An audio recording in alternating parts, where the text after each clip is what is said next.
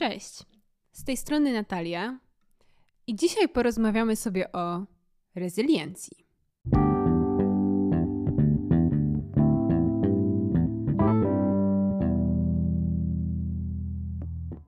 Witam Cię w odcinku podcastu, gdzie emocje są naszymi przewodnikami, a odporność psychiczna szczególną kotwicą. Bo w dzisiejszych czasach jesteśmy zachęcani cały czas do bycia otwartymi emocjonalnie, do wyrażania wszystkiego, co czujemy i zdecydowanie słusznie, bo dzielenie się emocjami jest po prostu zdrowe i ważne. Ale mówiąc o emocjach, często pomijamy jedną zasadniczą kwestię. Co zrobić, gdy emocje zaczynają nas przytłaczać? Kiedy nas zalewają i nie mamy pojęcia, co z nimi zrobić? Jak się z nimi wtedy uporać, kiedy nie ma nikogo obok, kto mógłby nas wesprzeć? Jak przetworzyć je, aby nie stały się naszym olbrzymim ciężarem? Rezyliencja, czyli odporność psychiczna, to temat naszego dzisiejszego odcinka. To ona jest tym tajemniczym składnikiem, który pozwala nam nie tylko przetrwać trudne chwile, ale i wyjść z nich silniejszymi. W naszym spotkaniu odkryjemy, jak możemy budować rezyliencję każdego dnia, jak można nauczyć się radzić sobie z emocjami w sposób, który nas wzmacnia, zamiast osłabiać.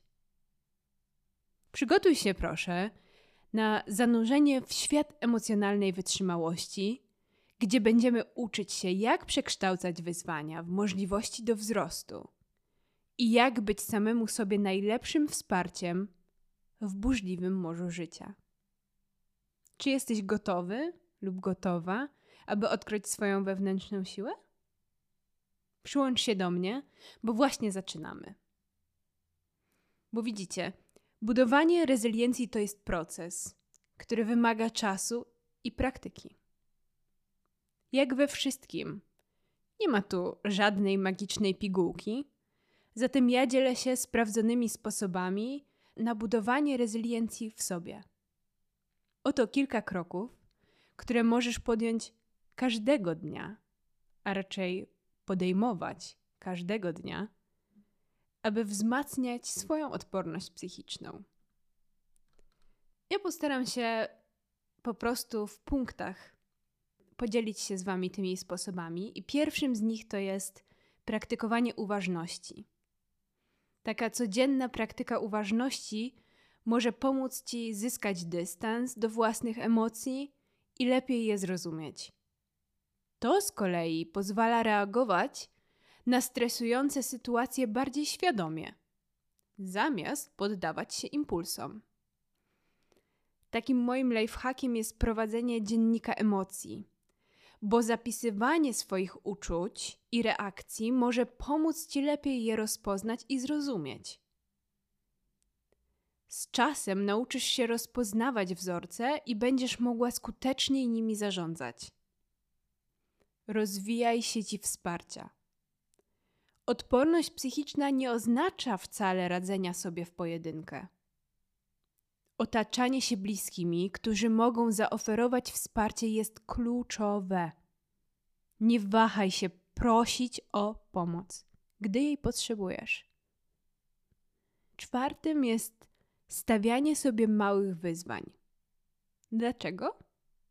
Dlatego, że regularne wyznaczanie sobie niewielkich, osiągalnych celów i ich realizowanie, to ważne, to wzmacnia poczucie własnej skuteczności i poczucie kontroli nad własnym życiem. Asertywność. Ćwicz ją. Uczenie się, jak wyrażać swoje myśli i uczucia w sposób asertywny, ale bez agresji lub pasywności może znacząco poprawić Twoje relacje interpersonalne i samopoczucie. Kolejne to dbaj o siebie, bo regularna aktywność fizyczna, zdrowa dieta i odpowiednia ilość snu to podstawy dobrej kondycji psychicznej. To wszystko działa razem. Nie zapominaj również o chwilach relaksu i odpoczynku. Rozwijaj swoje pasje. Angażowanie się w czynności, które sprawiają przyjemność i dają poczucie osiągnięcia, może być silnym źródłem pozytywnych emocji i poczucia spełnienia. Kiedy mamy poczucie, że choć trochę dajemy sobie takiego czasu dla siebie, dla swoich pasji, mamy więcej wytrwałości dla innych kwestii. Praktykuj wdzięczność.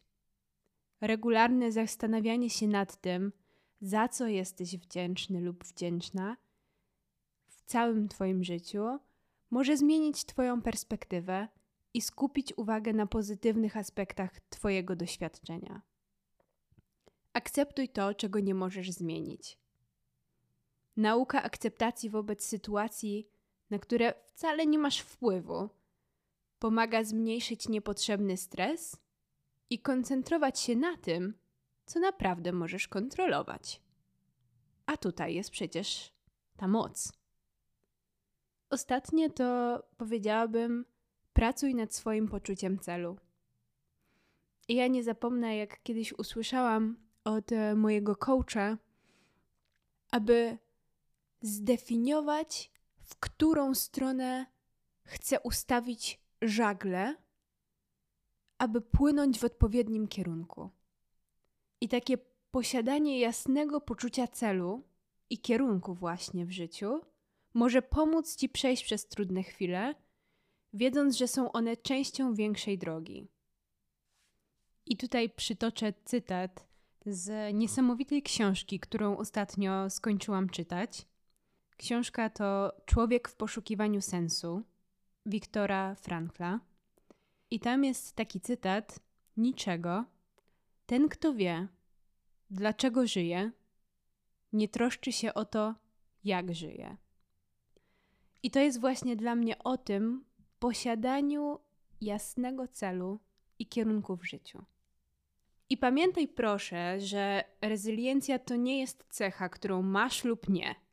To jest zestaw umiejętności, które można rozwijać. Każdego dnia masz możliwość pracowania nad sobą, wzmacniając swoją odporność psychiczną i ucząc się, jak zdrowo radzić sobie z emocjami.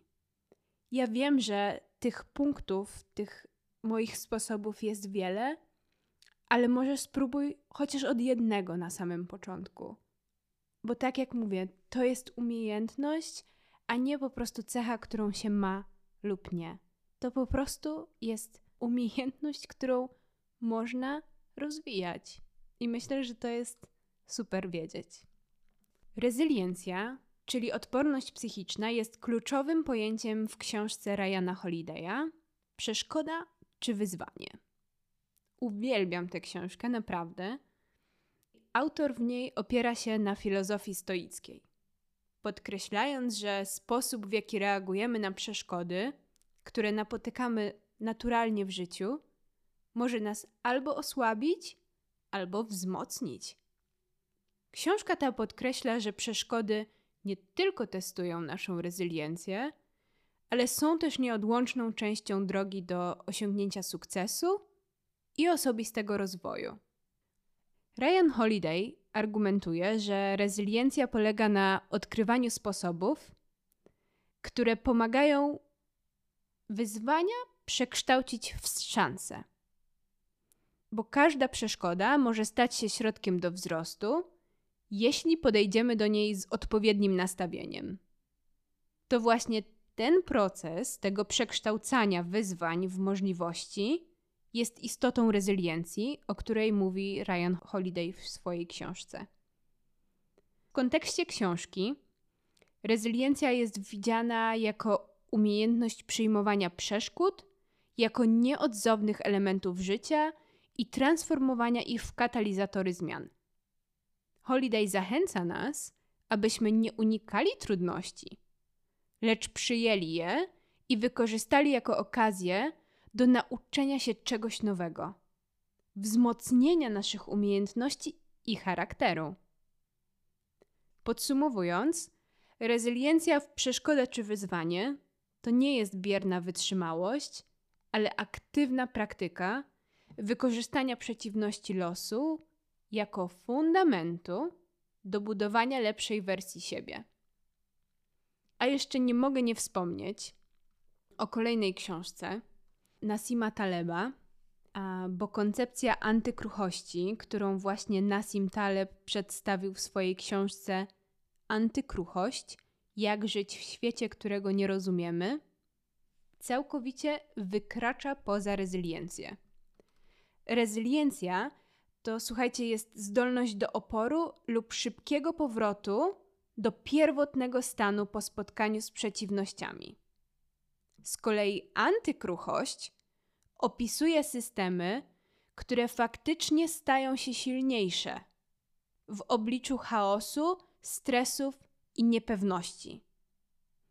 Bardzo Wam polecam obydwie książki, to po pierwsze, ale też ważne jest, abyśmy widzieli tutaj tę znaczną różnicę między rezyliencją a antykruchością.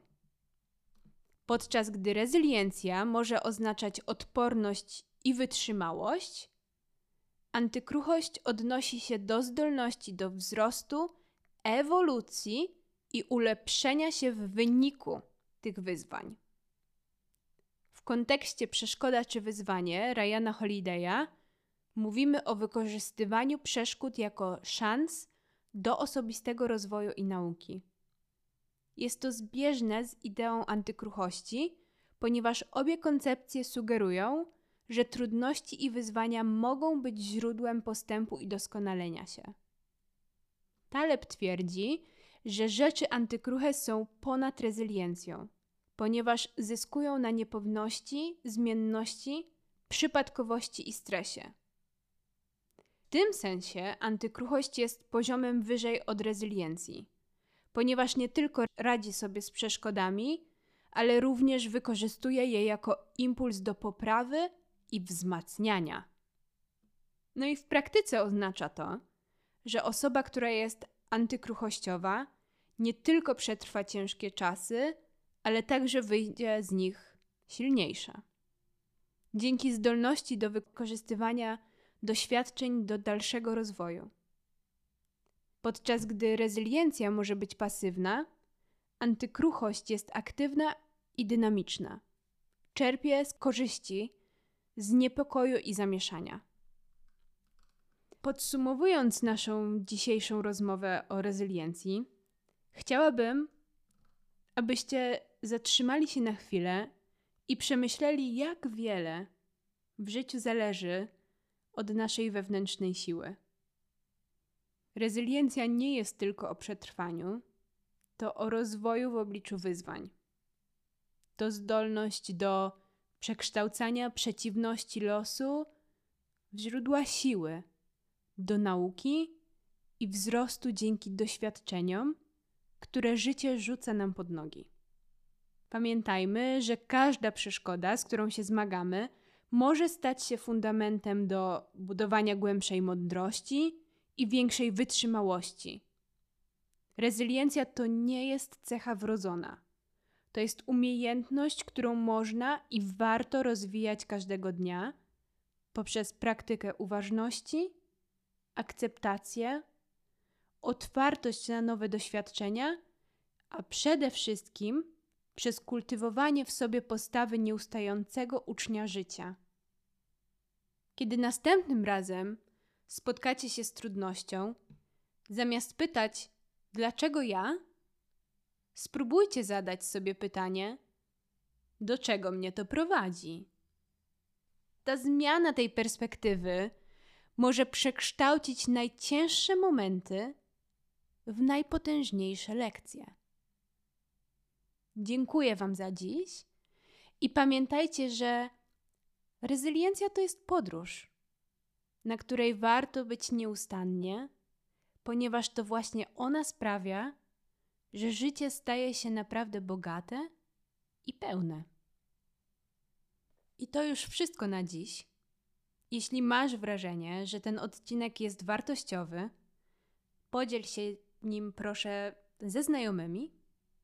Zachęcam Cię także do wystawienia mojemu podcastowi opinii na Spotify lub Apple Podcasts. Ponieważ tylko w ten sposób więcej osób może się dowiedzieć o jego istnieniu. Bardzo Wam dziękuję za dzisiaj i do usłyszenia już za dwa tygodnie. Cześć.